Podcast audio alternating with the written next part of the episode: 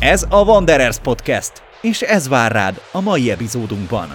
És aztán megkenték a homlokunkat és a kezünket csirkevérrel, majd pedig jósoltak nekünk a, a csirke belsőségeiből arra vonatkozóan, hogy milyen lesz az utazásunk. Hát úgy belealudtunk, hát úgy ott a ponyva tetején, a rakomány tetején lehetett aludni, arra ébredek, hogy zuhanunk. És azt egyszer csak így dam, megy ilyen hatalmas nagy csattanás, így a hajó gyomrából ilyen nyekergő fémhangok jönnek föl, majd aztán elkezdünk emelkedni. Tényleg, mint egy rémálom, mint hogyha egy arra ébrednél, hogy hullámvasúton ülsz. Például egyszer egy reggel hamuesőre ébredtem, ami nem vulkáni volt vicces. aktivizmus. Vulkáni aktivizmus, így van, és akkor beborított minket a vulkáni hamu, elment az áram, napokig ültünk a, a hamuba.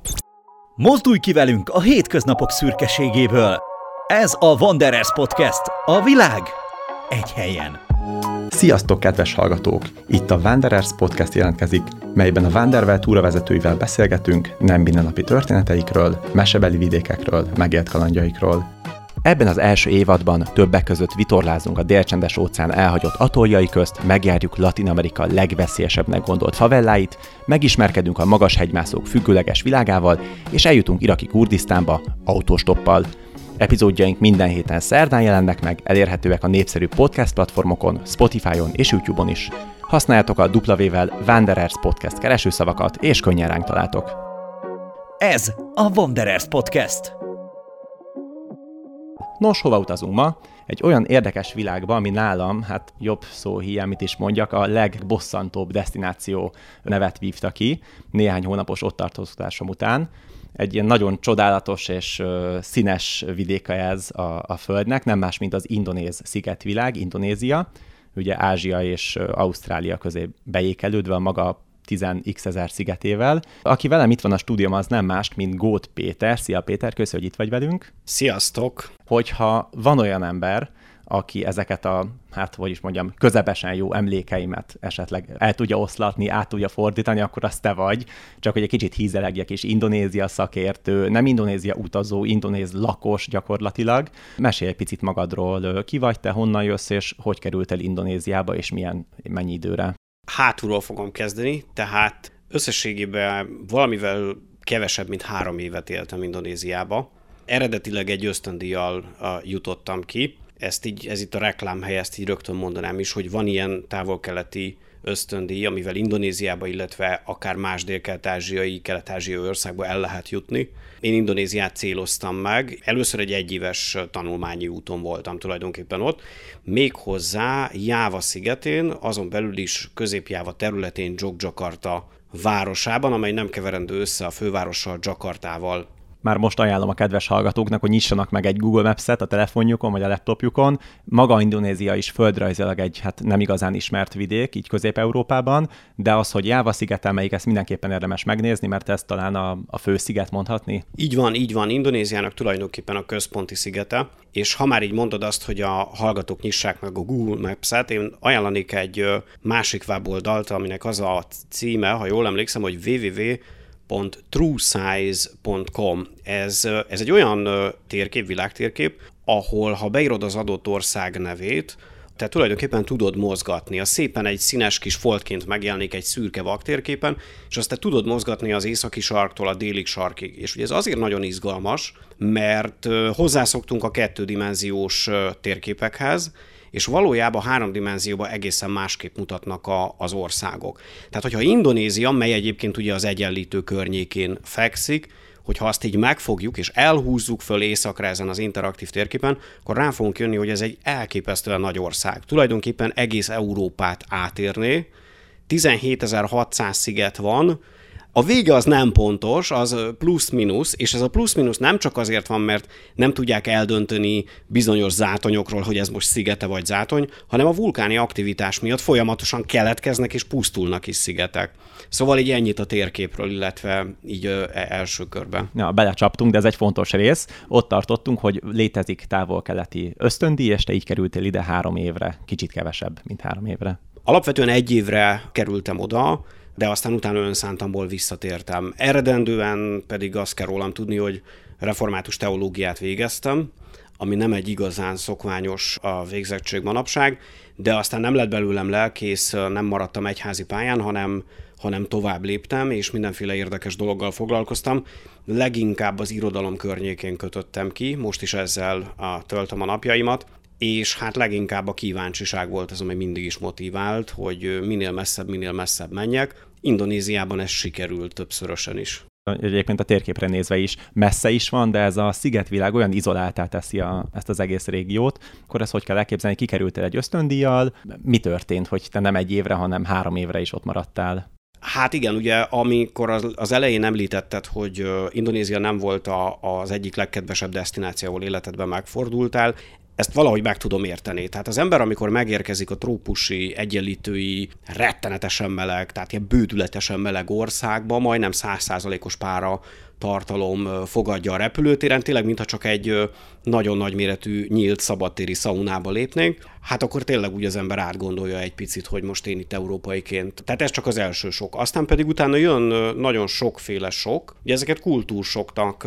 szokták becézni, én azt mondanám, hogy semmi se úgy működik, mint nálunk. Nagyon jó kifejezés az emlékeim alapján. Minden működik valahogy, mert hiszen ugye 250-260 millió ember él ebben a szigetvilágban, és a dolgok működnek. Tehát ennyi embert ez, a, ez az egész rendszer valahogy mégis tud irányítani, kezelni, Ellenben ez a működésmód először számunkra rettenetesen kaotikusnak tűnik, sőt, úgy gondoljuk, hogy talán itt, itt tényleg alapvetően nincs is semmiféle rendszer és ez nagyon nehéz az elején ezt megtanulni. Nagyon hosszú idő, amíg az ember adaptálódik a kinti realitásokhoz.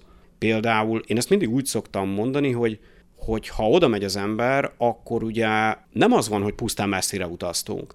Tehát ha valaki az Egyesült Államok felé venni az irányt, azért az is kellően messze van. De Indonézia az, az, az tulajdonképpen azért van nagyon messze, mert hogy elhagyjuk a kulturális közegünket. Tehát átlépünk a, az európai amerikai fehér ember által többé-kevésbé lakott világból átlépünk egy nagyon-nagyon más kultúrába, és, és először ezzel meg kell küzdeni. Tehát én amikor először megérkeztem, nem tudtam megkülönböztetni egymástól a motorszerelő műhelyt, a kifőzdétől és a, és a nem tudom, a fejkendőket áruló üzlettől. Sokszor nem is válik szét, nem? Erről egyik, nem egyik ajtó, ez másik ajtó az. Így van, és akkor ugye odaérkezik az ember, akkor ugye rájön, hogy nincs tömegközlekedés, valahogy kell mégis közlekedni, mit csinálsz? Hát megtanulsz robogót vezetni. Na most én soha életemben nem ültem motoron, talán ilyen tizen pár évesen egyszer így poénból kipróbáltam, nem sok jó lett belőle. Na hát Indonéziában rögtön ezzel kezdődött a dolog, hogy ugye, iszonyatosan nagy a tömeg az utcákon. Hát gondoljuk arra, hogy Jáva szigete az gyakorlatilag egy másfél Magyarország, és 160 millió ember lakik ott. Tehát az olyan, mintha most hirtelen így, így, így tízszer annyian lennénk itthon, tehát nem érnek véget a települések Jáva szigetén, egyik a másikba olvad. És iszonyat nagy a tömeg. Na most ott fölülni egy robogóra, ahol nem tartják be a szabályokat, össze-vissza keresztbe kasul, szerintem ez már önmagában egy ilyen elég elég izgalmas vállalkozás, de aztán úgy rájön az ember, hogy ez így működik. Tehát, hogy valahogy megtart a tömeg, így a bolyjal együtt motorozgatsz, és aztán észre se veszed, és egyre nagyobb utakra csábít a, a kicsi dohogó járgányot alattad, ahogy velem is történt párszor de kétségtelen, hogy tulajdonképpen, ha megérkezel egy ilyen helyre, akkor meg kell tanulnod járni, mint egy csecsemőnek. Meg kell tanulnod enned, enni, inni, és meg kell tanulnod beszélni, ami azt jelenti, hogy elsajátítani valamilyen szinten azt a nyelvet, amit ők használnak.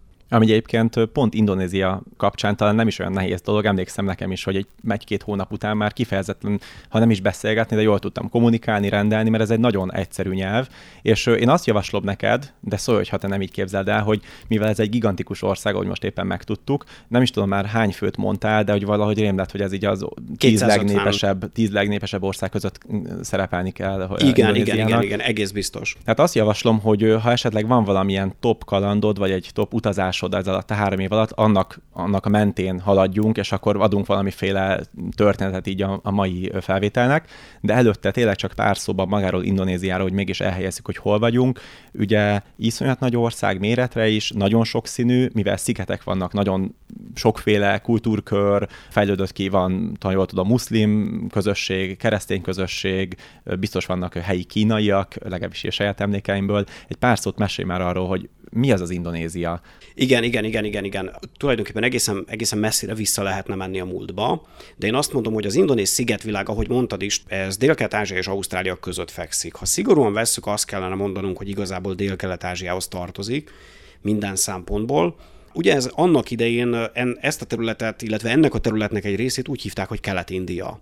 Tehát például a Holland Kelet-Indiai Társaságnak ez volt a működési területe, és ugye ebből rögtön kihallatszik, hogy, hogy tulajdonképpen a mai Indonézia az valamikor egy gyarmati terület volt. Hollandok gyarmata? Hollandok gyarmata, de ez nem egészen volt így, ugyanis bizonyos részeken a britek időről időre megvetették a lábukat, illetve voltak a szigetvilágnak a keletebbi régióiban portugál gyarmat részek is.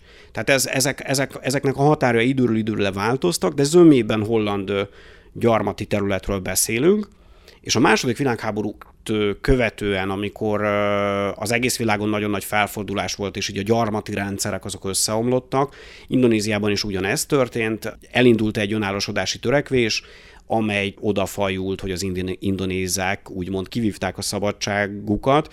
Na most ilyen, hogy indonéz igazából nincsen. Tehát ez egy jávai központú ö, törekvés volt. Például, ami nagyon-nagyon érdekes, hogy a, hogy ennek a törekvésnek a központja az a város volt, Jogjakarta városa, ahol én is éltem. A legélhetőbb számomra egyébként egész Javán. Ez messze a legélhetőbb ez, város. Ez abszolút, e, én is abszolút hazabeszélek. Na most azt csak, hogy mennyire másképp működik a világ ott, mint itt. Ugye Indonézia ma az egy demokrácia ami azt jelenti, hogy van egy államelnök, vannak tartományok, és a tartományokat kormányzók igazgatják, kivéve Indonéziában Jogjakarta tartományát, mert Jogjakarta tartományában egy szultáni család uralkodik.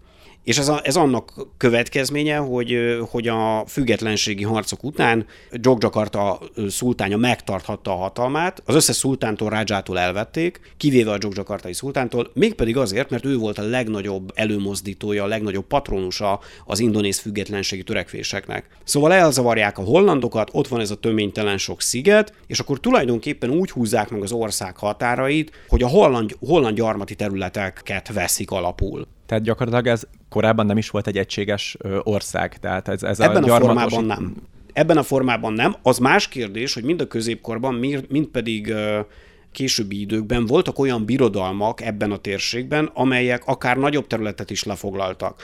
Például ilyen volt a Mataram királyság időszaka, amelynek bizonyos területei azok felnyúltak egészen Kambodzsáig, Szóval ez, ez egy állandóan változó közeg volt, de ami a lényeg, hogy amit ma Indonéziának nevezünk, az nagyjából egy, egy kis túlzásra azt lehet mondani, hogy egyfajta kulturális és nyelvi egységet jelent, és akkor itt vannak kivételek, például Pápua az egy kivétel. Ugye Új-Ginának a nyugati fele Indonéziához tartozik, Indonézül egyébként ezt a részt Irian Jaya-nak hívják, és hát azért az nem annyira tartozik ehhez a világhoz, ehhez a millióhöz. Szóval, szóval ennyi így a történelmi háttere a dolognak, hogy ez egy egykori gyarmatterület volt, és gyakorlatilag a gyarmat terület lett aztán később egy önálló entitás, melyet ma Indonéziának hívunk. Nem tudom, hogy ha az ismerőseimnek Indonéziáról mesélek, akkor az ő fejükbe feltételezem rögtön Bali ugrik be, az én fejemben mondjuk Sumatra, mert ott voltam sokat, annak is az északi részén, ahol egy viszonylag kemény iszlám közösség él, neked mondjuk Java. Mi köti ezeket az embereket össze? Azon kívül, hogy mindannyian a Baháza Indonéziát beszélik, van egy ilyen indonéz nemzeti tudat, vagy be- beszélhetnék a 2000 km keletre lévő szigetekről, nem tudom, Celebeszről, vagy akár Pápuáról. Igen, hogy Miért egy ország ez az ország? Igen, hogyha ilyen léptékben gondolkodunk, akkor azt lehetne mondani, hogy ez egy politikai egység. Ez egy politikai gazdasági egység. Nagyon nehezen tudnám azt gondolni, hogy például, ahogy említetted, Ácse tartományba élő, ugye Ácse attól különleges, hogy, hogy ott a sária szerint kormányoznak. Kizárólag abban az egy tartományában Indonéziának, de, a, de ott a sária szerint, a muszlim sária szerint kormányoznak az a hírhet helye Indonéziának. Én magam ott nem jártam abba a régióba, de amennyit hallottam róla, hát ott bizony, meg a hírekbe lehetett mindig kint is olvasni, ott bizony keményen korbácsolások, botütések, még akár egészen durva atrocitások is történhettek, tehát büntetésképpen, hogyha valakit mondjuk lopáson kaptak, vagy szeméremsértésen, vagy valami ilyesmin. Na most is akkor ennek az ellentéte mondjuk Bali szigete, a nyitott, liberális, turisták millióit fogadó, édenkerti, gyönyörű szépségű sziget. Baliról meg kell említeni, hogy ez egy hindu sziget. Ahogy említetted, már valóban Indonéziában a létező összes világvallás képviselteti magát valamilyen módon, és Bali az a terület, ahol, ahol, ahol hinduk élnek. Hozzá kell tenni rögtön, hogy Jáva szigete és Sumatra is eredendően hindu és buddhista volt. Csak a középkor folyamán az iszlám, amikor megérkezett ebbe a régióba, akkor szépen egyesével hódította meg a tereket, ami nagyon érdekes, mert hogy nem legalábbis ők így mondják, nem erőszakos katonai hódítás volt ez, hanem egyszerűen ez egy kulturális továbblépés volt, és ez a mai napig zajlik. Tehát a mai napig, ugye Indonézia a világ legnagyobb iszlám országa, ezt kevesen tudják, 87% a lakosságnak az muszlim, ez a 87% megoszlik azért, ennek egy jelentős része azért az úgy, úgy muszlim, hogy a közben a törzsi rituálékat gyakorolja. A 13% nagy része az katolikus, illetve valamilyen protestáns felekezethez tartozik, és egy pár százalék mindössze ma jelen pillanatban a buddhista és a hindu. És a hinduk azért nem tűnnek föl, hogy olyan kevesen vannak, hiszen Balin nagy részt ők élnek. Na, akkor kanyarodjunk is rá az útra gondolom itt szigeteken fogunk utazni, különböző, nem tudom, kulturális közösségeken, hát mesélj igazából. Na, szóval tehát, tehát belecsapok a történetbe. Ugye, amint már említettem ezt a motorozás dolgot, hogyha az ember hosszabb távon szeretne Indonéziában maradni, akkor, akkor ezzel bizony meg kell birkózni. Teljesen mindegy, hogy fiú vagy lány az illető, egy 125 köbcentis kis motornak a, a, a meg, meglovaglása az bizony, bizony az egyik legfontosabb feladat. Na de ha az ember ezt már megtette, akkor bizony olcsó a benzin, bizony azért nem mondom, hogy szélesek az utak, de messzire vezetnek, nagy a kísértés. Hát ugye az ösztöndíjas évem alatt túl sok egyetemi követelmény, hogy is mondjam, nem fenyegetett minket, már ami azt jelenti, hogy viszonylag szabadon tudtunk rendelkezni bizonyos időtartamokkal, és ezt ki is használtuk. Tehát mit tudom én, simán volt olyan, hogy mondjuk a hétvégén leugrottunk Jogjakartából Balira. Pontosan ugyan... Ne arra, hogy félbeszakítak, csak többes számban beszélsz. Tehát, igen, az évfolyam társaimmal, ja. illetve az ösztöndíjas társaimmal. Más magyar, más magyar. Bizony, igen, ezt az ösztöndíjat havi, nem havi szinten, bocsánat, éves szinten, hát azt mondom, hogy, hogy egy olyan 10-15 magyar biztos, hogy megkapja. Tehát Jogjakartában egy egészen, egészen barátságos kis magyar kolónia volt abban az időben, amikor én ott kint éltem, és bizony így volt ilyen, hogy elhatároztuk, hogy csütörtökön az egyetemi órák után, mintha csak Budapestről fognánk magunkat, és mondjuk Budapestről lemennénk Siófokra egyet fürdeni, mi ezt Jogjakartából tettük meg Balira, Dempaszárba. Na most ez egy 750 kilométeres út, igen, a keletjávai forgalomról annyit érdemes tudni, hogy ez önmagában hazárdírozás. Tehát nem, hogy semmilyen szabályt nem tartanak be, hanem a ugye az a mondás járja, hogy a nagyobb kutya eszik először, vagy a nagyobb kutya, ugathat, nagyobb kutya ugathat először, és bizony így van a, a tápláléklánc, vagy hát hogy is mondjam, az erőviszonyok tényleg így vannak, hogy a teherautó kamion a belső sávba 120-szal, a buszok azok mondjuk szá, hát azt mondom, hogy talán ők is ilyen csúcsragadozók, de mivel egy teherautó az mégiscsak egy fajsúlyosabb dolog, buszok mondjuk 100-110, aztán, aztán jönnek a motorosok, és az autósok, érdekes módon ők vannak a ranglétra legalján, mert hogy Indonéziában az autóvezetés az, bár most már nagyon-nagyon elterjedt, de ez mondjuk adott esetben még akár tíz évvel ezelőtt sem volt feltétlenül Tehát ez egy új keletű dolog a, a személyautóvezetés, és hát alapvetően nem sok mindenkinek van jogosítványa hozzá, ugye. Fontos ugye az, hogy ez egy ázsiai kultúra, ahol az arcvesztés fogalma nagyon-nagyon érvényes, mint, mint a legtöbb ázsiai országra. Tehát ami azt jelenti, hogy ha én nem tudok autót vezetni, akkor én be fogok ülni az autómba, és elindulok vele az úton. De egy dolgot biztosan nem fogok tenni, nem fogok elmenni jogosítványt csináltatni. Mert az végtelenül ciki, hogy az oktató mellé beülök, és az oktató azt látja, hogy én nem tudok vezetni. Szóval inkább el sem megyek, valahogy botorkálok az utakon, az majd lesz valami. Ez itt továbbra is a Wanderers Podcast, iratkozzatok fel hírlevelünkre a wanderers.hu oldalon, hogy elsőként értesüljetek a legújabb cikkeinkről, híreinkről, és persze a podcast adásokról.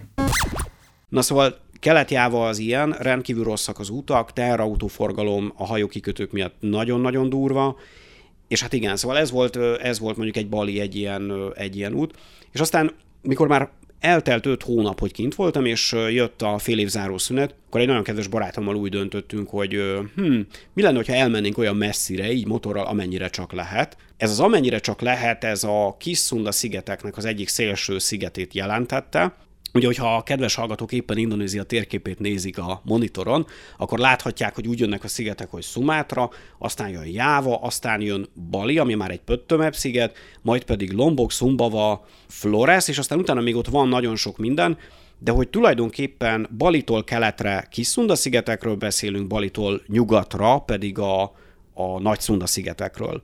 És akkor mi úgy döntöttünk, hogy elmegyünk Flores szigetére motorral, mert hogy miért is ne, ugye hát itt szigetek vannak, a tengeren valahogy át kell jutni, és akkor csak hogy, hogy haladjunk is, azt csináltuk, hogy Jogjakartából elmotoroztunk a keletjáván található Surabaya nevű kikötővárosba. Surabajáról azt kell tudni, hogy 4 millió ember lakja, mm, olyan 35 fok van egész nap, 100%-os páratartalom, ha 5 percre 5 darab percre kimész az utcára csak azért, hogy leugorja sarki kis kifőzdébe, venni valami ennimalót, majd visszamenekülsz, és egy papír zsebkendővel megtörlöd az arcot, koron fekete lesz. Tehát ilyen szintű a smog, egy élhetetlen, egy borzalmas hely. Tehát tényleg annál kevesebb rosszabb helyet tudok Indonéziában, mint a szurabajai hogy is mondjam, ö, ö, városi élet. Kellemesen felpiszkálod most a kellemes emlékeimet. Ahogy meghallottam a város nevét, pontosan a fejemben volt ez a kép, amit most leírtál. Tudod, Halál. hogy mit jelent? Nagyon érdekes, hogy a Surabaja névnek van jelentése. Surabaja az azt jelenti, hogy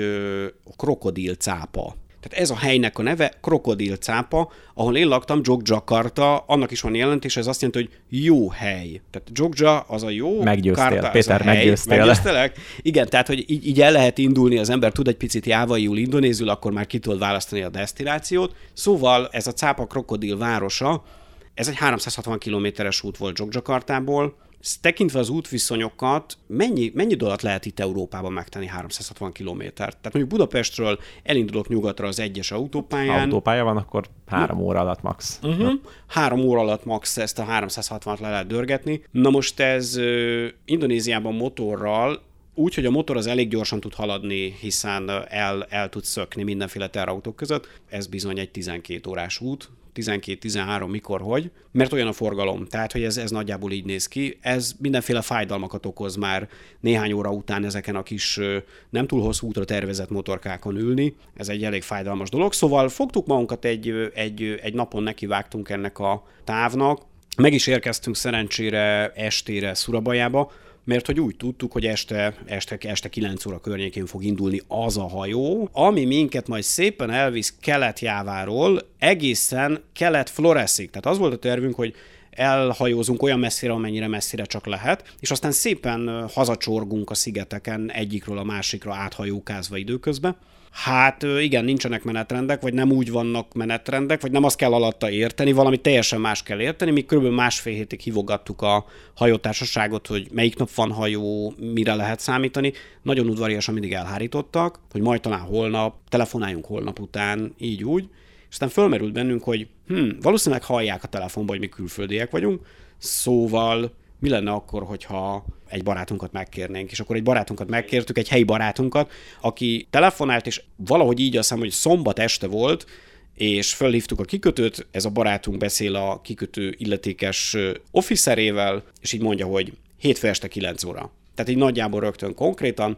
Volt egy napunk összepakolni, hétfőn fölültünk a, a motorkáinkra eldörgettünk Szurabajába, párszor majdnem elütöttek. Szakadó eső volt naplemente után, és egy teherautó az gyakorlatilag, hát, tehát két teherautó előzte magát így a szembeforgalomba, és így őket nem nagyon érdekelte, hogy így van motor is, tehát így miatt motorral megyünk. Ez a bemelegítés. Ez a bemelegítésként olyan 70 km per órával murvára lemenni, az nem egy vicces élmény, amikor éppen esik is, és ilyen sáros nyálkás az út. De azért valahogy épkézláb megérkeztünk a kikötőbe, agyonázva, tényleg, tényleg leázva izzadva, agyonizzadva, ilyen, ilyen műanyag esőkabát volt rajtunk, ami úgy többé-kevésbé megvéd valamitől, nem tudom mitől véd meg, de... Most egy nylon zacskót kell elképzelni, most indonézra lefordítva. Nylon zacskót kell elképzelni a 30 fokos melegbe 10 pár órán keresztül, és akkor az van, hogy megérkezel ebbe a kikötői mm, mm, irodába, ahol tulajdonképpen megvetnéd a jegyet, és gyakorlatilag vizesebb vagy belül, mint, mint kívül, mármint a ruha alatt, a burkolat alatt és akkor a lényeg az, hogy közölték velünk, hogy nincsen hajó, hanem mert hogy nem tudják, hol van a hajó, valahol a tengeren van, de hogy nyugodjunk meg holnap majd talán ilyen délután kettő-három, úgyhogy, úgyhogy hát addig keresünk valami szállást. Na most Szurabaja városa sem egy, egy leányálom, ellenben Szurabaja kikötői város negyede, az még ennél egy fokkal talán kellemetlenebb helyszín, ilyen, ilyen fogatlan, féllábú, mindenféle furcsa kalóz népség lakja, tényleg, mintha egy ilyen rejtőjenő. Pont ezt akartam mondani, nekem mindig ez jutott róla eszembe, pontosan ez.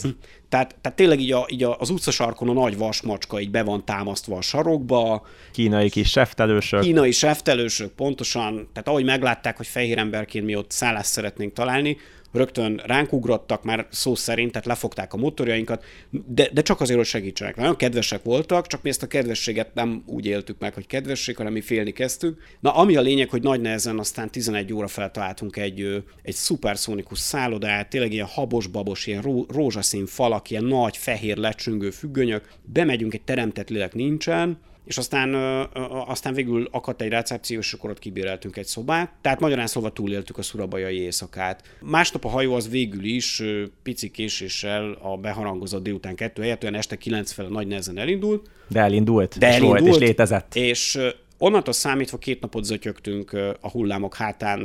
Te kelet... hogy bírod egyébként az ilyesmit? Nekem tisztán ilyen emlékeim vannak, hogy a kínai turisták állnak mellettem itt az erkén a hajónak, nyomják befelé evőpálcával ezt a popmiét, uh-huh. és utána azonnal jön is ki vissza a tengerbe. Igen, a megint pop... benyomják, megint kijön, és ez megy napokon át. Igen, ez a popmi ugye ez egy ilyen instant tészta, amit ott felszolgálnak. Hát nekem is okozott némi gondot, tehát én azóta ilyen instant tésztát nem eszek egyszerűen, mert, mert nem, nem. Tehát tehát, tehát csak annyit mondok így erről, hogy az első éjszaka az volt, hogy lett egy WC-re járó ruhám, tehát amit felvettem, elmentem benne elintézni, amit el kell intézni, az ammónia szakba, a nagymelegbe, majd visszamentem, azt a ruhát levettem, bezacskóztam, és fölvettem egy másikat, amiben a szobában lehet élni. Voltam, mert amiben, igen, igen, tehát, tehát ott a hajón ott nem annyira figyelnek a higiéniára, és ott mindenféle vödrökből folydogálnak dolgok, meg, meg, meg, meg igen, ott csap sincs nagyon, és nem tudod eldönteni, hogy amiben lépsz, az most micsoda. Nem is ragozom tovább ezt a részét. Megérkeztünk el Flores, hogy csodálatos, gyönyörű, tehát Flores az eszméletlen szép hely. Nagyon-nagyon érdekes, és fontos tudni, hogy Flores az már a Welless, van egy ilyen vonal, hogy Welless vonal, ez tulajdonképpen egy ilyen flóra és fauna választó határvonal, és Lombok szigetétől számítják kelet irányba. Tehát arra azt kell tudni, hogy Lomboktól keletre már az ausztrál flóra és fauna található, ellenben Lomboktól nyugatra ott pedig a, az ázsiai vagy eurázsiai. Ez érdekes, mert ez nagyon közel van egymáshoz az a két sziget. Bizony, bizony. Annak idején ezek a szigetek ezek összeértek, már hogy Lomboktól nyugati irányba lévő szigetek összeértek, és éppen ezért ott az átok szabadon sétafikálhattak. Ellenben a kelet keleti szigetek azok pedig Ausztráliával voltak egy földrajzi egységbe. Ettől még Floresen nem fog az ember kengurút találni, de az biztos, hogy nagyon más az élővilág. És hogy a klíma is sokkal inkább egy ilyen mediterrán jellegű klíma, tehát, tehát nem annyira érződik az a nagyon párás egyenlítői klíma, hanem, hanem valahogy olyan temperáltabb és hát rendkívül kevesen laknak az ország, a Flores szigetén, tehát mindössze néhány millió ember. Éppen ezért a táj is valahogy olyan, hogy, hogy véget érnek a települések, hosszú nagy zöld utakon lehet menni, már úgy értem, hogy gyönyörű, gyönyörű természetben, hihetetlen hegyek vannak, nagyon-nagyon nagy szakadékok, és amikor én ott voltam, akkor ugye minden szigetnek van egy főútvonala, ami a szigetet tulajdonképpen keresztül szeli hosszába, Flores szigetének is van egy ilyen főútvonal, amit nemes egyszerűséggel Transflores Highway-nek hívtak. Némi eufémiával. Ennyi szólva, ez olyan volt, mint a mesében, hogy hol volt, hol nem. Tehát volt, amikor volt 20 km kiváló minőségű beton, utána pedig egyszerűen az út az úgy nem volt, le volt szakadva, és akkor ott egy ilyen kis mellékhelyen föl kellett mászni ott a sziklákon, ott át lehetett kerülni, tehát, tehát ez, ez teljesen természetes helyzet, tehát magyarán szólva Floresen hiába nincsen különösebben nagy forgalom ezeken az utakon, nem tudsz olyan gyorsan haladni, mint kelet-jáván. Tehát még lassabb tempóra kell számolni, és aztán én Maumere városába érkeztünk meg, és hát Floreson még egy valamit nagyon fontos tudni, hogy ez egy keresztény sziget. Tehát templomok vannak, harangszó van, és ez európaiként, hogyha te Jáván élsz, a muszlim Jáván élsz, akkor Floresra megérkezni egy ilyen tudat alatt is érzed, hogy van egy ilyen, van egy ilyen otthonossága a helynek. Tehát egyszerűen az a kódrendszer, amit mi is itt használunk, ahhoz ez sokkal közelebb van valamiért. És aztán, és aztán Floresen persze gyönyörű szép kalandok vártak minket, Kelimutu tavait nagyon szeretném megemlíteni, Kelimutu vulkán tavait. Ez egy nem túl magas vulkán, talán 1600-1700 méter magas mindösszesen, de három csodaszép krátertava van, amelyeknek a színe időről időre megváltozik. És úgy kezd elképzelni, hogy az egyik tó az egyszer piros, másszor pedig zöld. A másik tó az egyszer kék, máskor zöld, a harmadik az egyszer zöld, máskor fekete és természetesen rengeteg legenda kötődik hozzá így az ott élők körében megvan, hogy melyik tó melyik lelkeknek, elhúnyt lelkeknek a tava, és hát csodálatos látvány, ellenben folytogató is, mivel ezek, ezek a tavak sav, valamilyen savkeverékek, folyamatosan törnek föl a mérges gázok. Ugye ezek krátertavak, a színüket ezért változtatják, hiszen a mélyből folyamatába áramlanak föl ezek a, ezek a, ezek a vulkáni vegyületek. Hát kicsit olyan, mint hogyha az ember így fölmenne a hegyre, és éppen könygázbombákat robbangatnának, tehát folyik a könnye a taknyanyála egybe úgy, ahogy van. Cserébe látványos. Cserébe rettenetesen látványos. Tulajdonképpen egész Flores egy elképesztő természeti hely, tehát gyönyörű, gyönyörűek a települések. Na most nekem itt volt egy elképesztően izgalmas élményem. Haladtunk szépen az utunkon, és egy, egy Aymere nevű településnél jártunk, amikor kaptunk egy fülest egy, egy ismerősünktől, hogy Ármére közelében van egy falu fönn a hegyekbe, az a neve, hogy Beloragi. És hogy ha akarunk valami olyasmit látni, ami tényleg unikális, akkor mindenképpen menjünk el Beloragiba. Na most erről annyit kell tudni, hogy eleve Flores unikális, tehát oda azért nagyon nem járnak turisták, kivéve a legnyugati pontját, Labuan Bajo-t, az majd ki fog derülni, hogy miért, az egy nagyon-nagyon ismert turista destináció, ellenben a sziget többi része kevésbé. És ez nagyjából, ahogy Flores szigetét látjuk, itt tulajdonképpen a, a déli oldalon, az óceán felüli oldalon félúton van ez az Aymere nevű település, és onnan a hegyekbe fölfele 7 kilométerre Beloragi. Hát, mit volt mit tenni? Gondoltunk egyet, elmegyünk, megnézzük, egész jónak tűnt az út, gondoltuk, hogy ha nem lesz ott semmi érdekes, legfeljebb visszajövünk, azt majd kapunk valami szállást. Hát az út az egy ponton megszűnt létezni, így a motorjainkat azt egyes fokozatba raktuk, és mint a biciklit toltuk, tehát húztuk neki a gázt, és így egyik szikláról a másikra kellett ugráltatni, hogy a vízfolyásokba valahogy feljussunk. És aztán egyszer csak jött egy öreg bácsi, akit így kérdeztük, hogy hát így arra van belorag, és mondta, hogy pá, persze, az, hogy lehet menni nyugodtan, jó lesz az út, nyugodtan később. Ha nem találkozunk ezzel az öreg bácsival, egész biztos, hogy visszafordulunk, mert annyira kezdett sötétedni már, hogy azt láttuk, ha még innen valahogy lebotorkálunk, akkor lakott területhez érünk. De innen följebb, hát a jó Isten se tudja, hogy mi vár ránk, de a bácsi úgy megnyugtatott. Az út egyébként nem lett jobb. Tehát csak már annyira, annyira úgy volt, annyira közeledtünk a településhez, hogy úgy voltunk vele, és már akármi lesz, akkor el, eljutunk oda. És aztán egyszer csak így az, az utolsó bukkanó után fölértünk egy lapos részre, megyünk előre, fölünk a motorra, gurulunk a füvön, és mintha egy természetfilm forgatásába értünk volna, szinte egy látja az ember, hogy csapó, mezitlábas néni fűszoknyában jobbról be, mesztelen kisgyerek balról beszalad, és a távolból mondjuk egy bácsi valami furcsa éneket énekel. És szinte egy várnád, hogy mondják megint, hogy oké, okay, csapó, újra fölveszük a jelenetet, figyeljetek, álljatok be másképp. Tehát dörzsöltük a szemünket, hogy mi most tényleg nem egy filmforgatásban vagyunk, mert hogy mert hogy azt vettük észre, hogy, tehát, hogy, tehát, hogy olyan volt a helyszín, mint amit gyerekkoromban láttam bármilyen természetfilmben. És nem tudom, kapcsolatba léptetek itt ezekkel az emberekkel? Tehát ez egy teljesen elzárt település, ha jól értem.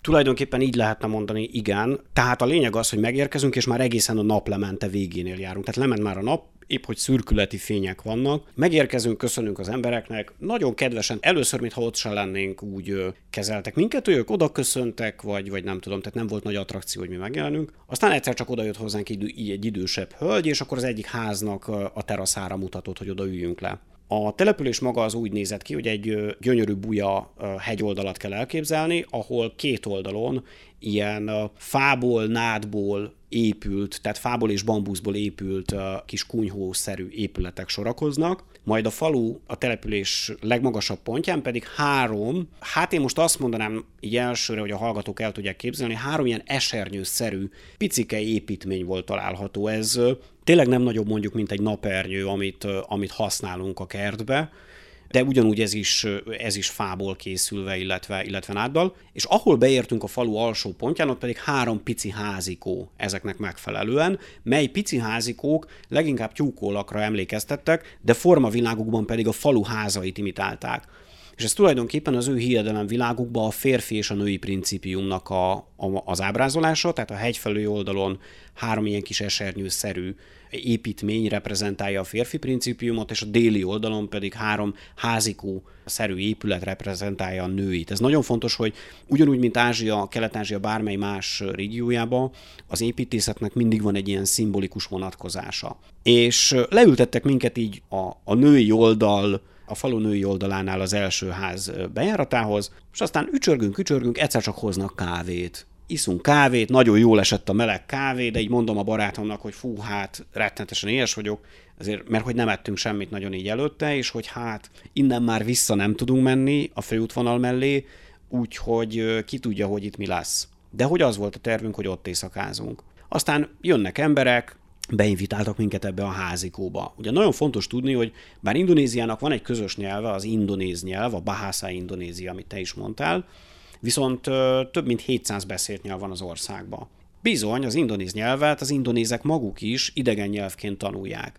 Tehát egyedül a főváros és környékén, Jakarta környékén lehet arról beszélni, hogy az indonéz nyelv az anyanyelvi szintre került, de mindenhol máshol ezt, ezt a lakóknak is meg kell tanulni. És hát minél messzebb megyünk a központtól, annál kevésbé van ennek jelentősége, vagy annál kevésbé működik ez jól. Ahol például mi voltunk Floreszán, ebben a belorági településen, hát ott az emberek nem sokkal tudtak jobban indonézul, mint amennyire mi tudtunk néhány hónap nyelvtanulás után. Mm. És akkor ez volt a kommunikációnak a formája, ez a tört indonéz, vagy hát? Ezzel kezdtük, de aztán egyszer csak megjelent egy fiatal hölgy, aki azt lehet mondani, hogy egészen jó angolsággal szólalt meg, és ő lett a tolmácsunk. Ő elmondta, hogy ő, ő neki a szülei élnek ebben a beloragi településben, ő maga már máshonnan származik, tehát ő elköltözött innen, és hogy ő pár évet dolgozott Szingapurba. És hogy emiatt ő megtanult valamilyen szinten angolul, és akkor rögtön el is mondta azt, hogy úgy kell érteni ezt a beloragi települést, hogy természetesen van az ott lakóknak valamiféle kapcsolata a külvilággal. Azonban, mivel nincsen rendesen kiépített út, nincsen villany, nincsen, nincsen, nincsen mobiltelefon térerő, internet meg pláne, éppen ezért még megmaradt egy ilyen tradicionális formában, és nagyon sok hasonló település van, de azok, be, azok bekapcsolódtak a turista bizniszbe, és kanzenek lettek belőlek. Tehát ahol tényleg úgy van, hogy pénzér jön a turista, és akkor pénzér mutogatják ezeket a dolgokat, ahol azt a, lehet azt mondani, hogy tényleg csapó kettes jelenet, ellenben Beloragi az még egy autentikus település volt. És aztán ez a hölgy mellénk szegődött az este folyamán, leültettek minket, beszélgettünk picikét, majd egyszer csak megjelent egy idős bácsi, aki bemutatkozott, hogy ő Benediktus, ő a falu főnöke, hoztak egy csirkét, a házban bent volt egy pici tűzhely, ahol elkezdtek tüzet rakni. És aztán minket is beinvitáltak abba a pici helyiségbe, hogy üljünk be. És akkor az történt, hogy hogy ezt a csirkét hát tulajdonképpen levágták, hogy elkészítsék nekünk vacsorára, de nem a szokványos módon, nem a nyakát vágták el, hanem a csőrét kitátva, a csőrét tehát a kitátott csőrét vágták tovább félbe, tehát félbe vágták a csirke fejét, és aztán megkenték a homlokunkat és a kezünket csirkevérrel, majd pedig jósoltak nekünk a, a csirke belsőségeiből arra vonatkozóan, hogy milyen lesz az utazásunk. És aztán ott volt egy pici áldozati rituálé, az ő helyű nyelvükön történt mindez, amiből abszolút nem értettünk semmit, de a komolyságát viszont éreztük, hogy ez nekik nagyon fontos. Annyit megtudtunk a, a, ettől a hölgytől, aki segített tolmácsolni, hogy ezt minden alkalommal el kell végezni ezt a rituálét, ha idegenek érkeznek a faluba, különben megbetegszenek a gyerekek. Tehát a csirke levágása az nem a mi tiszteletünkre történik, hanem tulajdonképpen az ősök szellemét hivatott megbékéltetni. Na most, ha belegondolunk, hogy nálunk, mit tudom én, azt mondja az ember, hogy ó, nagymama, hazamegyek hozzád hétvégére, mire a nagymama, ah, kisfiam, akkor levágok egy csirkét. Ez valahol hasonló. Tehát, hogy nyomaiban nálunk is megvannak még ezek a, ezek a kulturális szokások, de ott ez egy az egybe érvényes. Na most, ugye említettem, hogy Flores szigete keresztény. A falufőnök bácsit Benediktusnak hívták, ő is ugye egy keresztény név nevű férfi volt. A házigazdánk pedig Antonius volt, és a felesége Maria. Tehát Tóni bácsi és Mariska néni, én elneveztem őket így magamba, de hiába keresztény emberek, ráadásul az külső szobában volt egy hatalmas Jézus szobor a sarokba, hiába voltak keresztények, ez, ez nem jelentette azt, hogy nem végzik el az ősök számára ilyenkor szokásos rituálét. Elmondták azt is, hogy ha nagyobb ünnepek vannak, akkor természetesen komolyabb állatokat áldoznak, disznót, adott esetben még bivajt is. Ezeknek nagyon fontos szerepe van, hogy, a, hogy az ősök jó indulatát elnyerjék különböző áldásokhoz. Tehát ott például ez, hogy ők harangoznak és templomba járnak, és ezek az ősi rituálék, ezek teljes mértékben megférnek egymás mellett. Ülünk benne ebben a pici helyiségben, ugye nincsen világítás, zseblámpával nézegetik a csirkebeleket, tényleg nagyon abszurd az egész, és aztán, aztán, aztán előkerül egy másik üst is, amiben is kezdenek el főzni, és a végén ebből a csirkőből egy nagyon finom vacsora kerekedett, és a vacsora mellé felszolgáltak nekünk kókuszdió héjakba, félbevágott kókuszdió héjakba arakot, Hoppá! azaz rizs pálinkát, Ugye ez egy viszonylag ismert dolog Indonéziába, tehát még Jáván is hozzá lehet jutni az arakhoz. Ugye muszlim, hát, muszlim szigetről beszélünk. Muszlim szigetről beszélünk, na most abban azt mondom, hogy azt mondom, hogy a legtöbbször nincs benne köszönet, tehát, tehát rettenetesen rossz íze van a Jáván beszerezhető araknak. Az alapanyaga sem feltétlen rispálinka, hanem sokkal inkább cukornáceszből készül, és hát az a helyzet, hogy bizony muszlimok háztáji módon ezt megcsinálják és eladják, de maguk nem isszák.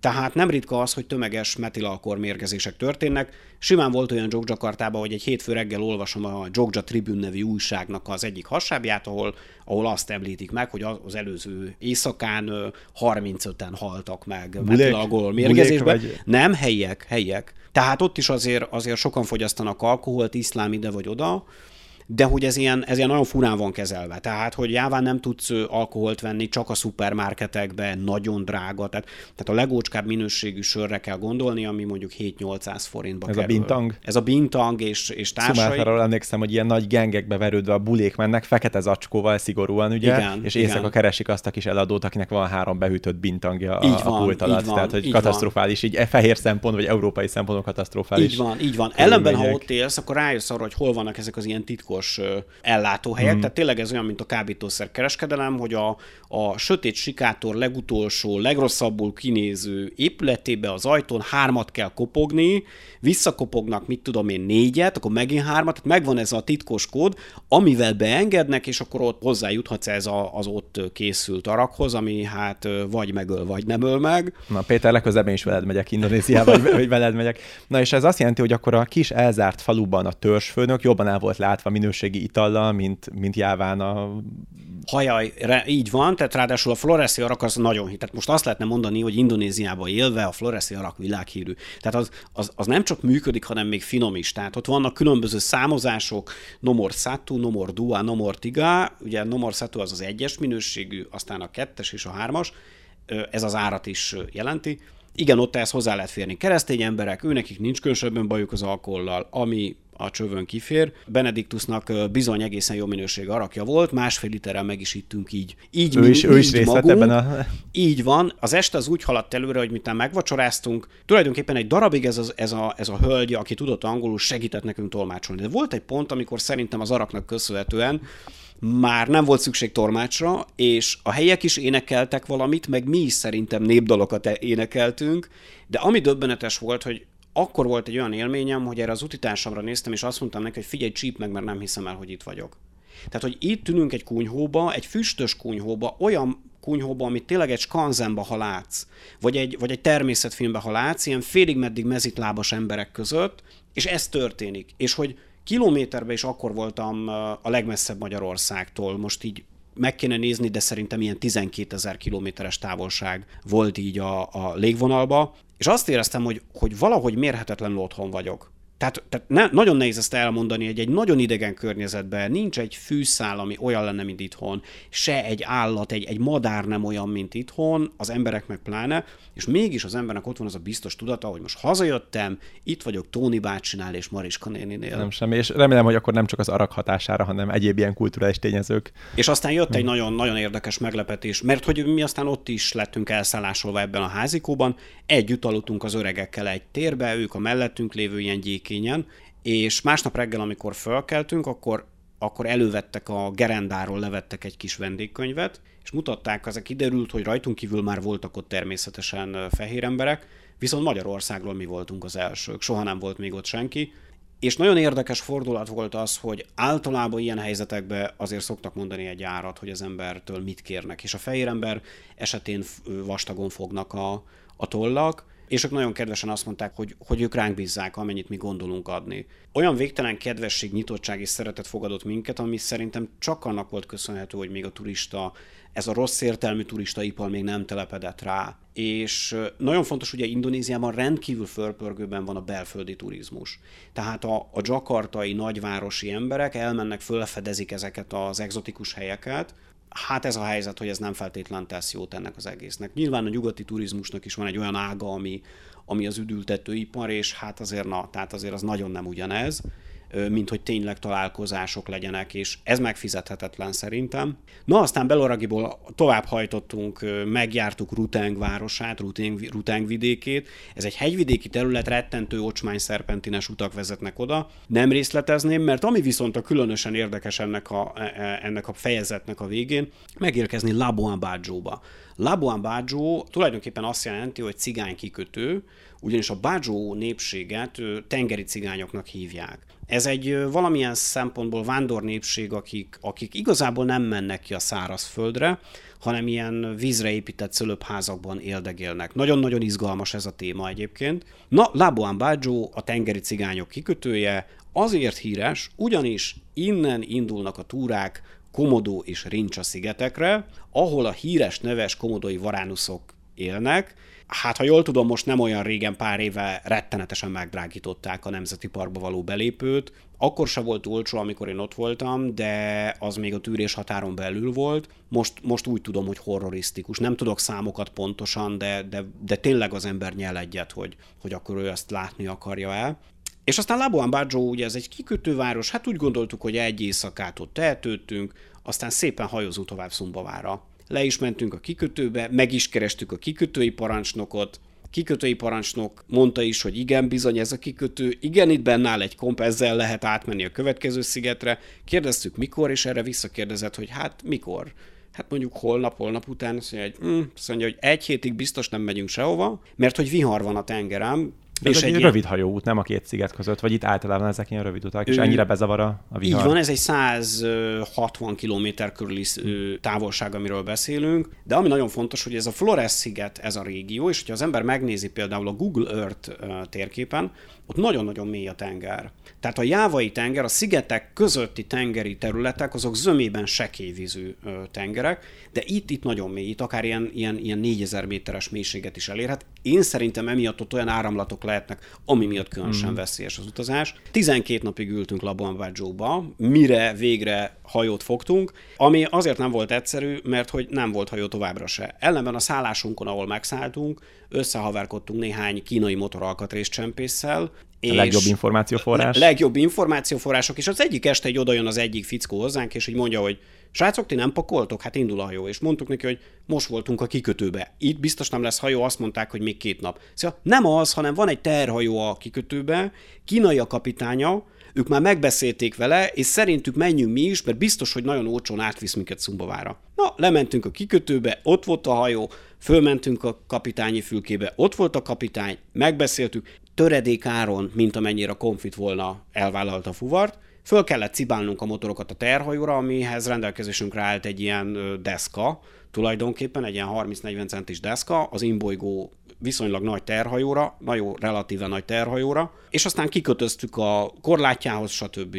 Évfél után indultunk el, egy óra volt, már éjjel egy óra körül, amikor, amikor tényleg kihajoztunk.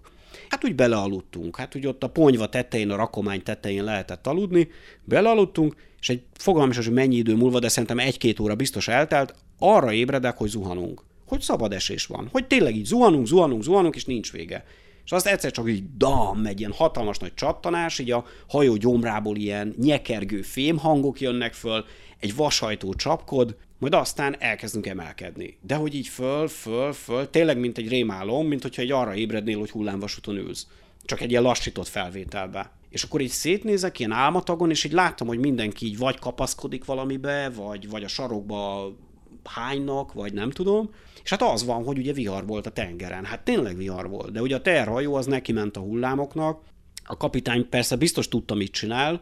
De legalábbis ahogy, jó ezt gondolni. Legalábbis jó ezt gondolni, de azért ott a harcedzett figurák, akik még rajtunk kívül itt a, a rakomány tetején kapaszkodtak, azok bizony nem, nem úgy gondolták, hogy ez egy olyan szokványos út. Hát halálfélelem volt. Tehát az, az halálfélelem. És akkor az volt, hogy próbáltunk belealudni ebbe a halálfélelembe, mert nem tudsz mit csinálni. Tehát éjszaka a tengerviharba kiesel egy hajóból, akkor ugye nem az van, hogy megfulladsz a vízbe, ezt kevesen tudják, hogy ha erős a szél, már pedig erős volt a szél, akkor a vízpára annyira felkavarodik közvetlenül a víz felszínen, hogy egyszerűen megfulladsz. Tehát hiába tudnál úszni, teljesen esélytelen. Meg aztán tényleg ott a sötétben nekiállni úszni. Eh? Tehát a vége az lett, hogy azért csak-csak átvergődtünk Szumbavára, Szumbaván a Bima nevű településre futott be a hajónk, Na hát ez is egy western filmbe illő jelenet volt, ilyen ördögszekereket fújt a szél, rettenetesen lepusztult kis kikötővároskán, nagyon mogorva morcon emberek fogadtak minket, és aztán az első útunk rögtön egy kifőzdébe vezetett, köszönünk indonézül, erre kijön a kifőzdében dolgozó fiatal hölgyecske, aki amint meglátta, hogy fehér emberek vagyunk, sikítva elszaladt. Majd aztán ezt párszor még elismételtük, hogy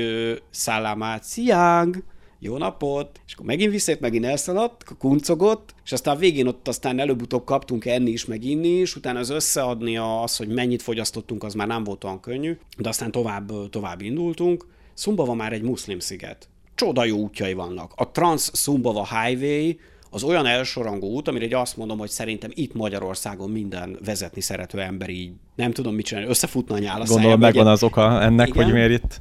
Így van, így van. Annyi derült ki számunkra, hogy azért ilyen jók az utak, mert hogy egy ausztrál bányavállalat újította föl, vagy építette föl, cserébe azért, hogy a szigeten lévő bizonyos nyersanyagokat bányázhasson. Megérkezett a nyugat egy olyan szigetre, ahol nagyon nagy szegénységben, nagyon-nagyon elzárva a világtól élnek emberek. Tényleg a boltok siralmasan üresek, száraz tészta, egy-két konzerv, és az a, a korábban már általad is említett úgynevezett popmi nevű instant tésztákból állt a kínálat, tehát még csak az se, hogy nyerzöldség, vagy, vagy gyümölcs, vagy ilyesmi. Nagyon-nagyon nyomasztó volt.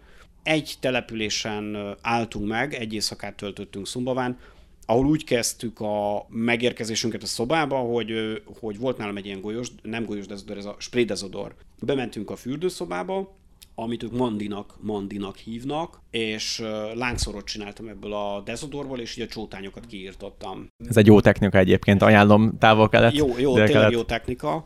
Meg cserébe egy illatosítottam is rögtön az egészet. Kis csótánybuké. Csótánybuké. És akkor gyakorlatilag úgy, úgy tényleg úgy ö, tulajdonképpen ez volt, hogy egy éjszakát töltöttünk ezen a szigeten egy településen. A nevére sem emlékszem, és ez, ez főként az én hibám, de, de azt is jól mutatja, hogy mennyire, mennyire nem ragadott meg, amit ott láttam. Főként amiatt, hogy tényleg ez van, hogy a főútról, ha retérsz, akkor ott, akkor ott rettenetes utak vannak, de, de, de maga a főút az döbbenetes.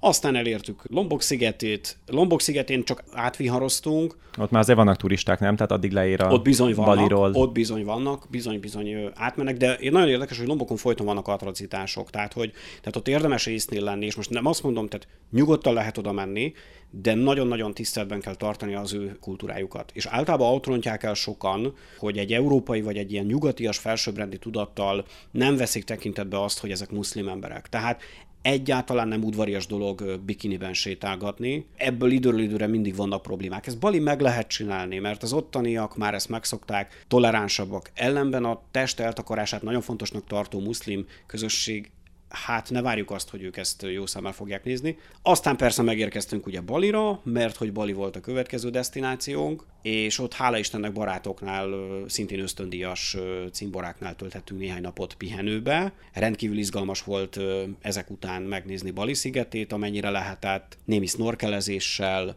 és aztán pedig jött kelet-jáva ismét, ellenben ebben az esetben teljesen más módon. Ugyanis egy ismerősünk, egy szintén magyar ösztöndíjas srác, aki a korábbi években volt ösztöndíjas, hogy, hogy nem, az egyik kelet-jávai városkának, Dzsember városkának, az egyik dohánygyárának lett a, a munkatársa, méghozzá egészen pontosan a dohány, egy amerikai dohánygyárnak a, a raktárvezetője volt, amennyire pontosan emlékszem a tisztségére, és ez a dohánygyár csak és kizárólag szivarokhoz készített úgynevezett cover dohányt. Tehát, tehát az, volt a fo, az volt a foglalkozásuk, hogy, hogy, hogy, hogy a, amibe a szivar dohányt becsavarják, a külső réteget, ezt egy egész gyárkomplexum állítja elő. Na, megtaláltuk, hogy hol lakik, meg volt adva a cím, és hát mindenre gondoltunk így elsőre, hogy mi fog minket itt fogadni, csak aztán arra nem, ami minket be valójában ért. Az utca felől semmi nem látszik természetesen. Szinte kiábrándító gyá- gyárüzem ilyen kicsempézett falakkal. Ahogy beléptünk, gyönyörűen gondozott kert, úszómedence, pavilon, ugye ők ezt ott joglónak hívják ezt a pavilonszerű épületet, ez az ismerősünk jött, hogy fiúk akkor Black Label vagy Red Label, de ha gondoljátok, van még egy kis szilvapálinkám, és a sör meg a másik hűtőbe. Tehát amikor az ember tudja, hogy Indonéziában milyen nagy nehézség sokszor valami kis lélekmelegítőhöz jutni, akkor ez maga a Kánaán. És aztán akkor volt szerencsénk egy pár napot itt eltölteni, és elvitt minket a gyárba, és megnéztük ezt, hogy hogyan dolgoznak indonéz nénik főként, illetve fiatal hölgyek a dohánylevél válogatásban. Nagyon bonyolult dolog, nem is gondolná az ember. Hmm, nem is láttam még ilyet Nem is tudtam egyébként, hogy kelet jáván ilyen nagy dohány termesztés van, vagy tabakó termesztés. Ez itt továbbra is a Wanderers Podcast. Csatlakozz kalandutazó közösségünkhöz, és lép be zárt Facebook csoportunkba, amit a W-vel Wanderers több mint turista néven találsz meg. Na figyelj, akkor gyakorlatilag most, ha jól képzelem a térképet, visszaértetek így, így Jávára, ha nem is haza, de kelet Jávára. Egy pár szót mesélj el arról, hogy bár valószínűleg én ezt az utat nem fogom se hajóval, se motorral megtenni, bár egyébként nagyon érdekeseket meséltél, de az én motortudásom, stb. ez nem kielégítő. Mikor így visszagondolok az ott töltött időmre, akkor ilyen veszélyekre gondolok, hogy az elején, ahogy mondtad, meg kell tanulni járni, még a magas fűbe, derékig érő fűbe sem mertem menni, mert féltem ezektől az óriás gyíkoktól, mi ez a szalagos varánusz, talán ugye ezektől, féltem a majmoktól, amit szumátrán sokan házőrzőnek használnak, hogy ki van kötve, és akkor támadják, Igen. meg kidobálják a csótányokat, meg ilyesmi, hogy nem tudom, ezzel kapcsolatban, vagy esetleg rablás volt, amikor a, álltam a zebránál, és kikapták a kezemből a telefonomat robogón, ügyesen csinálták, tudott ketten, és akkor, tehát, hogy ilyesmivel találkoztál? Érdekes, hogy igen, tulajdonképpen volt, volt egy nagyon izgalmas dologban részem egy, egy motoros üldözésben. Ez nem ez az utazás volt, ez egy korábbi utazás volt, amikor csak úgy úgy döntöttünk, hogy lemegyünk hétvége gyanánt Balira egyet csobbanni a tengerbe, mert mi megtehetjük. Akkor kelet bizony volt ilyen, hogy egy erdőbe, egy erdős szakaszán mentünk át a szigetrésznek, ahol se semmi, és az egy híres szakasz arról, ahol bizony felborigátnak teherautókat, és ilyen mm, utakadályt építenek, és gyakorlatilag lehúzzák a pénzt. Tehát, hogy megállítanak, hogy adjál pénzt, különben megednek tovább. Természetesen mi nem álltunk meg, motorral voltunk, és üldözőbe vettek minket. És akkor az olyan volt, hogy, hogy ilyen kamionok kezett. Tehát hogy, tehát, hogy be kellett azt a helyzetet vállalni, te egy kamion háta mögött vagy, előzni szeretnél, de nem várod meg, míg a szembejövő kamion elmegy, hanem akkor előzöl, amikor közelít, hogy te elférsz a kettő között. Ez egy iszonyatosan horrorisztikusnak hangzó dolog, de tényleg egyébként nem egy barátságos történet, viszont tényleg a motor elfér, tehát ott mindig van annyi hely. Hát meg megvan a motiváció. Meg megvan a motiváció, mert jönnek utánunk a milyenkénél nagyobb motorral, és aztán ö, dudáltak, integettek minden, de a lényeg az, hogy, hogy voltunk annyira ügyesek, hogy, hogy el tudtunk száguldozni, és véletlenül ők is feladták. Tehát ha nagyon akartak volna, megfogtak volna minket, de ezt leszámítva nem. Ez a tengeri éjszakai vihar, ez, ez elég vicces volt, már hogy utólag, utólag. Én a természettől kaptam néha ezt-azt, például egyszer egy reggel hamuesőre ébredtem, ami nem vulkáni volt vicces. aktivizmus. Vulkáni aktivizmus, így van, és akkor beborított minket a vulkáni hamu, elment az áram, napokig ültünk a, a hamuba, hát ez nem volt egy, egy túl, túl vicces élmény. Illetve ilyen állatokkal, igen, egyszer versenyt úsztam, idézőjelbe téve szirticápákkal. Ez pont a, a Floreszi útnak volt egy része, amikor egy szigetre kimentünk, csodaszép szigetre, Kanava, Kanava Island nevű pöttöm kis szigetre, és ott, ott sikerült a vízbe összefutni pár ilyen csodálatos jószággal, mint tűzhalak, Ajjajajajaj. tüskéjük van. Csupa jó Hasonlóan a homokból úszott föl egy tüskésrája, Majdnem egy rövid út lett. És majdnem egy rövid út lett, és ami a legdöbbenetesebb, hogy nem is gondolná az ember, hogy az egyik legveszélyesebb tengeri élőlény, az egy csiga. Az úgynevezett kúpcsiga. Ennek is van két olyan változata, ami életveszélyes, a térképes és a textil mintás kúpcsiga. Ezek a sekély vízbe is megélnek a tengeri moszatoknál, tehát például amikor apály volt, akkor láttuk ezeket a kúpcsigákat ott úszkálni. Ezeknek van egy méregtüskéje, amit beleböknek az áldozatukba, csiga lévén ezek vadászcsigák, és ami a lényeg, hogy a konotoxin nevű méreg az, az akár egy tucat emberrel is képes végezni egyetlen adag. De ezt leszámítva tényleg csodálatos, és az volt a hátborzongató ott, hogy tulajdonképpen David Attenborough annak idején itt ezeken a területeken vette föl a, a filmjeit. Tehát azt átélni, hogy, olyan helyeken járok, amiről gyerekkoromban láttam természetfilmet. Ez egy, ez egy nagyon nagy élmény volt. Hmm, csak a csigákkal vigyázni kell. Azokkal vigyázni hmm. kell, igen. Bevallom őszintén, hogy mielőtt jöttem ide, tegnap, tegnap előtt, azelőtt olvastam tőled néhány dolgot, bár ismerjük egymást, mint úravezetők, de egy picit utána olvastam, szoktál publikálni. Olvastam ilyesmit, hogy transzbe esett, táncos, élő csirkét fogyaszt, széttört bintangos üveget, emerő, emerőkanála lesz stb. stb. Ez valamilyen fikciós történet, vagy pedig valóságon alapuló nem, ez, ez egyáltalán nem fikciós történet, ez én Jáva szigetén találkoztam ezzel, gyanítom, hogy több szigeten is előfordul. Ennek az a neve, hogy Jetilán tánc. Ez tulajdonképpen egy transzba esős tánc. Úgy kell elképzelni, hogy falu amikor a falvakban valamilyen ünnepség van, akkor elkerítenek egy területet bambuszkordonnal, mintha egy ilyen boxaréna lenne tulajdonképpen, és ebbe az arénába táncosok kezdenek el táncolni. Mondanám, hogy népviseletbe, tradicionális viseletbe kell öltözött táncosok, egy ilyen nagyon, nagyon dinamikus, pumpáló zenére. Aki ismeri egy kicsit a jávai vagy indonéz gamelán zenét, az, az akkor ugye el tudja képzelni, hogy miben indít, de ez ki van egészítve akár elektromos gitárral, modern hangszerekkel, szintetizátorral, és aztán miután ezek a beöltözött táncosok elmennek, szabad a pálya, bárki bemehet oda táncolni, és hát be is szoktak, aminek a lényeg az az, hogy transzba esnek. A transz alatt megszállja őket egy szellem, és a szellem utasítására tesznek különféle dolgokat. Amit én a saját szememmel láttam az az, hogy valaki egy bambusz, nem bambusz, bocsánat, banáncserjét úgy, ahogy volt kirágott, tehát ő valószínűleg egy tehén szelleme szállhatta meg, de ő egy banáncserét azt addig rágott, ameddig ki nem dőlt, akkor egy másik fagyökereket evett így, egy harmadik az egy élő csirkét kért a szellem, így a szervezőktől, és az élő csirkét azt úgy, hogy volt, először így letépte a fejét, mint egy sörös üveg kupakja lenne, majd azt így elmajszolgatta így amennyire azt így lehetett. És akkor miután így megvan ez a, ez a transzba esés, akkor utána van egy varázsló, aki vezeti ezt az egész rituálét, illetve az ő segítői, és elkapják ezeket az embereket, és kiűzik belőlük ezt a szellemet. Nagyon érdekes látni, hogy tényleg ők transzba lehetnek, mert, mert azt láttam a saját szememmel, hogy, hogy mondjuk a, a bokáján és a fejebúbján támaszkodik a földön. Tehát még fölemelik a fejebúbjánál, de, de, de a bokáján. Nem tudom, hogy ezt meg lehetett csinálni akkor, ha, az ember csak úgy normál állapotban van. De láttam olyat is egy, má, egy, egy alkalommal, amikor amikor forró parazsat evett valaki. Hm. És olyat is láttam, hogy vörösen izzó vasat nyalogatott a nyelvével, és ezt ugyan nem láttam, de ott elmesélték, hogy, hogy elég gyakori az összetört üvegpoharaknak hm. a, a megevése. Ilyetetlen.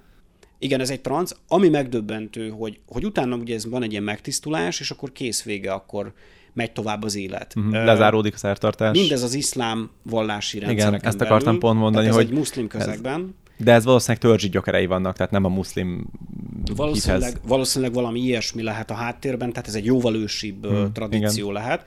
És ami viszont megdöbbentő, hogy ezt a trans táncot, ezt a jetilán táncot már egészen kisgyerekkortól, két-három éves kortól, három-négy éves kortól elkezdik tanulni. Tehát, hogy ez nem pusztán olyan valami, hogy na, akkor beugrunk, aztán lesz, ami lesz, habzik a szánk, hanem, nem hanem komoly, komoly felkészülés van, szerves része a kultúrának. Ja, hát szerencséd van, hogy ilyen be, betekintés nyertél. Figyelj, még egy olyan kérdésem lenne egy a végére, megint csak saját emlék. Dolgoztunk a 2016-ban párommal egy ilyen vendégházban, egy ilyen helyi guesthouse-ban, nem is mint önkéntesek, hanem mint fizetett munkaerő gyakorlatilag, és az ember ilyenkor elképzel előre, hogy majd akkor ott foglalásokat intéz, vagy esetleg takarít, vagy mit tudom én, animátor gyerekeknek, stb. És néhány hét ott lét után realizáltuk, hogy minket elsősorban azért tartanak ott, ahogy említetted a belföldi turizmust, a belföldi turistákkal fotózkodjunk. Selfie, Mr. Hello Selfie, nem tudom, neked ezzel ott a keleti részeken én nem jártam, ahol kevesebb a fehér ember. Mi a, mi a tapasztalatod? Amerrel jártam a Kiszunda szigeteken, pontosan ugyanez, de Jogjakartában, ahol alapvetően sokat turista,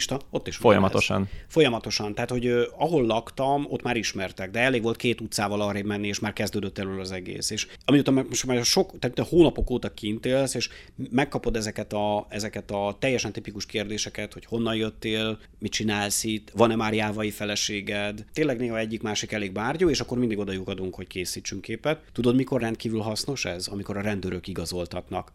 Ha megszólalsz indonézül, leveszed őket a lábukról, abban a pillanatban nagyon kíváncsiak lesznek rád, és a vége az lesz, hogy selfie, tehát hogy csinálunk egy közös oh. fotót magunkról, és esetleg szemet hújnak a fölött, hogy bizonyos papírok nincsenek meg. Én, én nekem ez párszor már sikerült, vagy, vagy, vagy ez tehát kihúzott a kátyúból, úgymond. De ez valóban így van. Ott arra felé ritka a fehér ember, és hát az indonézek meg arról híresek, hogy eléggé kifejezik Igen. ezeket a, a hát abszolút, kíváncsiságukat abszolút, és abszolút. A, az érdeklődéseket. Ez egyfajta komfortot is ad, mert, mert tényleg lehet fényképezni bármit, nyilván tisztelettel, de bármit, nem úgy, mint egy mondjuk egy közel-keleti országban, viszont cserébe téged is folyamatosan fotóznak. Tehát nem csak selfie, hanem emlékszem, folyamatosan fotóznak, és szerintem neked rendőrös, nekem legalább 15-20 random baby, pici gyerek van a kezembe, akit valamilyen fajta áldás reményében a kezembe adtak a nagy fehér ember kezébe, aki betévett a falujukba, és lefotóztak vele. De úgy is, hogy termálvízbe ülünk, és hozták a gyereket be a vízbe, hogy fogjam meg, hogy fotózzanak. De nagyon érdekes volt. Ez abszolút így van. A fehér ember még egy kicsit mindig ezt a szerepet tölti be, ez az orvosságos ember, aki irigyeljük is, félünk is tőle, így van, így van, ez abszolút megvan, ezt türelmesen el kell viselni. Lassan kifutunk az időből, még a végére egy olyan gondolat vagy kérdés, amivel engem is sokszor megtalálnak. Tudod, nekem ez a Szibéria, Oroszország, ez a régió, ami közel a szívemhez, és sokszor megkérdezik akár ilyen podcasten, vagy csak személyes beszélgetésen, hogy miért miért pont ez, miért nem egy másik, amelyik ugyanilyen jó, vagy még jobb, hogy ezt hagyd tegyem fel, fel neked ezt a kérdést, hogy megkaptad ezt az ötnöndíjat, oda kerültél, szerinted ezért áll hozzád közel, mert lehetősége volt megismerni, vagy pedig van valami személyes kötődésed, ami, ami egyébként ugye a jellemedből és az ottani kultúrából adódik? Én azt mondanám erre, hogy személyes kötődés lett belőle, az elején pedig ez az indonai ösztöndíj, ez már, ez már, hogy is mondjam, ez, ez, ez az ismerősi körömben ez már egy ismert dolog volt, tehát ez célzott tehát, illetve a családomban is voltak olyanok, akik bár nem Indonéziában, de távol hosszabb időket töltöttek. Valahogy egyszerűen erre nyílt ajtó, elmentem, és aztán lett személyes kötődésem nem is kevés. Én arra jöttem rá, hogy az ember valószínűleg ahhoz a dél-kelet-ázsiai vagy távol-keleti országhoz fog a legjobban kötődni, ahol először hosszú időt töltött. Tehát az lesz a viszonyítási pont. Tehát én Indonéziához mérem az összes többi országot, plusz-minusz, és igen, tehát, tehát emiatt lett talán az, ami. Illetve hát a csodálatos tájak és a rendkívül változatos kultúra. Nyilván nem titok, hogy a Vandervelnél te viszed az indonéz túrákat, mint a, nem csak Vandervel szinten, hanem úgy országos szinten azt gondolom, hogy egy nagyon jó ismerője a, a régiónak. Most mindenféle érdekes, kalandos, félelmetes dolgot meséltél. Mi az, amiért akár én, akár olyan, aki még nem volt ott, és most a Google Maps előtt füstöli a gombokat, veled, vagy úgy általában elmenjen Indonéziába? Szerintem ami talán a legérdekesebb ebben az egészben az, az a, az a komplexitás. 17 ezer sziget, mindenhol mások a, a kulturális viszonyok valamilyen szinten. Jelen van az összes világvallás tulajdonképpen, vagy a nagy világvallások képviseltetik magukat. Ezeket testközelből meg lehet nézni olyan autentikus részei vannak még Indonéziának, amelyek tényleg azért olyanok, mert megőrződtek az elzártság és a nagy távolság miatt, de ezzel együtt megtaláljuk mindazt a modernitást is, mint amit sok kelet országban, tehát mondjuk a jakartai felhőkarcolók azok azért azok szerintem vetekszenek több dél-kelet-ázsiai nagyváros felhőkarcolóival, tehát egy végtelenül divers, sokszínű ország, és a természet, és talán ezt ezt alá is húznám, hogy Indonézia, hogy a tűzgyűrűn fekszik, számtalan vulkán van a szigeten, Jogjakarta városa fölött 30 kilométerrel füstölgött a Merapi vulkán, ez egy 3000 méteres tűzhányó, a világ egyik legaktívabb vulkánja. A várostól délre 30 kilométerre hullámzott az indiai óceán, amely néha cunamival elönt bizonyos területeket. Vizesések, rizsföldek, eldugott barlangok, olyan annyiféle kaland és felfedezni való, amiről én azt gondolom, hogy talán ilyen intenzitásban, ilyen töményen sehol máshol a világon egyszerre egyben nem kapja meg az ember. És nasi goreng. És nasi goreng, Delúral. is. Igen, igen, igen, igen. Ez nagyon, azt gondolom, aki ebben a világrészben járt, ez egy nagyon uh, élénk emlék. Hát figyelj, így konklúziónak részemről azt tudom mondani, hogy bár nem tudom, vagány és világlátott utazónak tartom magam, talán, hogyha valakivel mentem volna szervezett úton, vagy nem szervezett úton, aki átsegít ezeken, a, ahogy te nagyon jól fogalmaztál az elén, ezeken a kezdeti lépéseken meg kellett járni, enni, stb., akkor valószínűleg egészen másképp maradt volna meg ez a dolog, mert most, ahogy tudod, végighallgattalak, már értem én, hogy miről van szó, de talán Indonézia egy olyan ország dél ázsiába ami nem az első körös backpackereknek a szánypróbálgató destinációja, leszámítva Balit és azt, azt a részt. Tehát ez nem egy tájföld, ez nem egy Kuala Lumpur, ez nem egy Vietnám, hanem ide hát több próbás hátizsákosok mennek, vagy legalábbis ők érzik magukat jobban talán. Így van, de a, a sokszínűséghez az is hozzátartozik, hogy tulajdonképpen Balin meg lehet ezt könnyen is élni, de én azt mondom, hogy, hogy aki Indonéziát akarja látni, az kezdje Jávával, ne Balival. Mert, mert ott nyílik igazán az, hogy mi is az az egész kultúra. Oké, okay, és akkor Covid után ott találkozunk. Covid remélem. után ott találkozunk, reméljük. Na, hát ennyi fért bele a mai részbe. Köszi a Péternek, és köszönjük kedves hallgatóknak is, hogy velünk tartottatok. Remélem jól érezted magad. Igen, igen, igen. Köszi a meghívást. Keressetek, kövessetek minket Facebookon, Instagramon, csatlakozzatok a zárt Facebook csoportunkhoz, és látogassatok el a wanderers.hu weboldalunkra is. Várlak benneteket egy másik nagyon izgalmas témával, egy hét múlva szerdán egy újabb epizódtal. Mozdulj ki velünk a hétköznapok szürkeségéből! Ez a Wanderers Podcast, a világ egy helyen.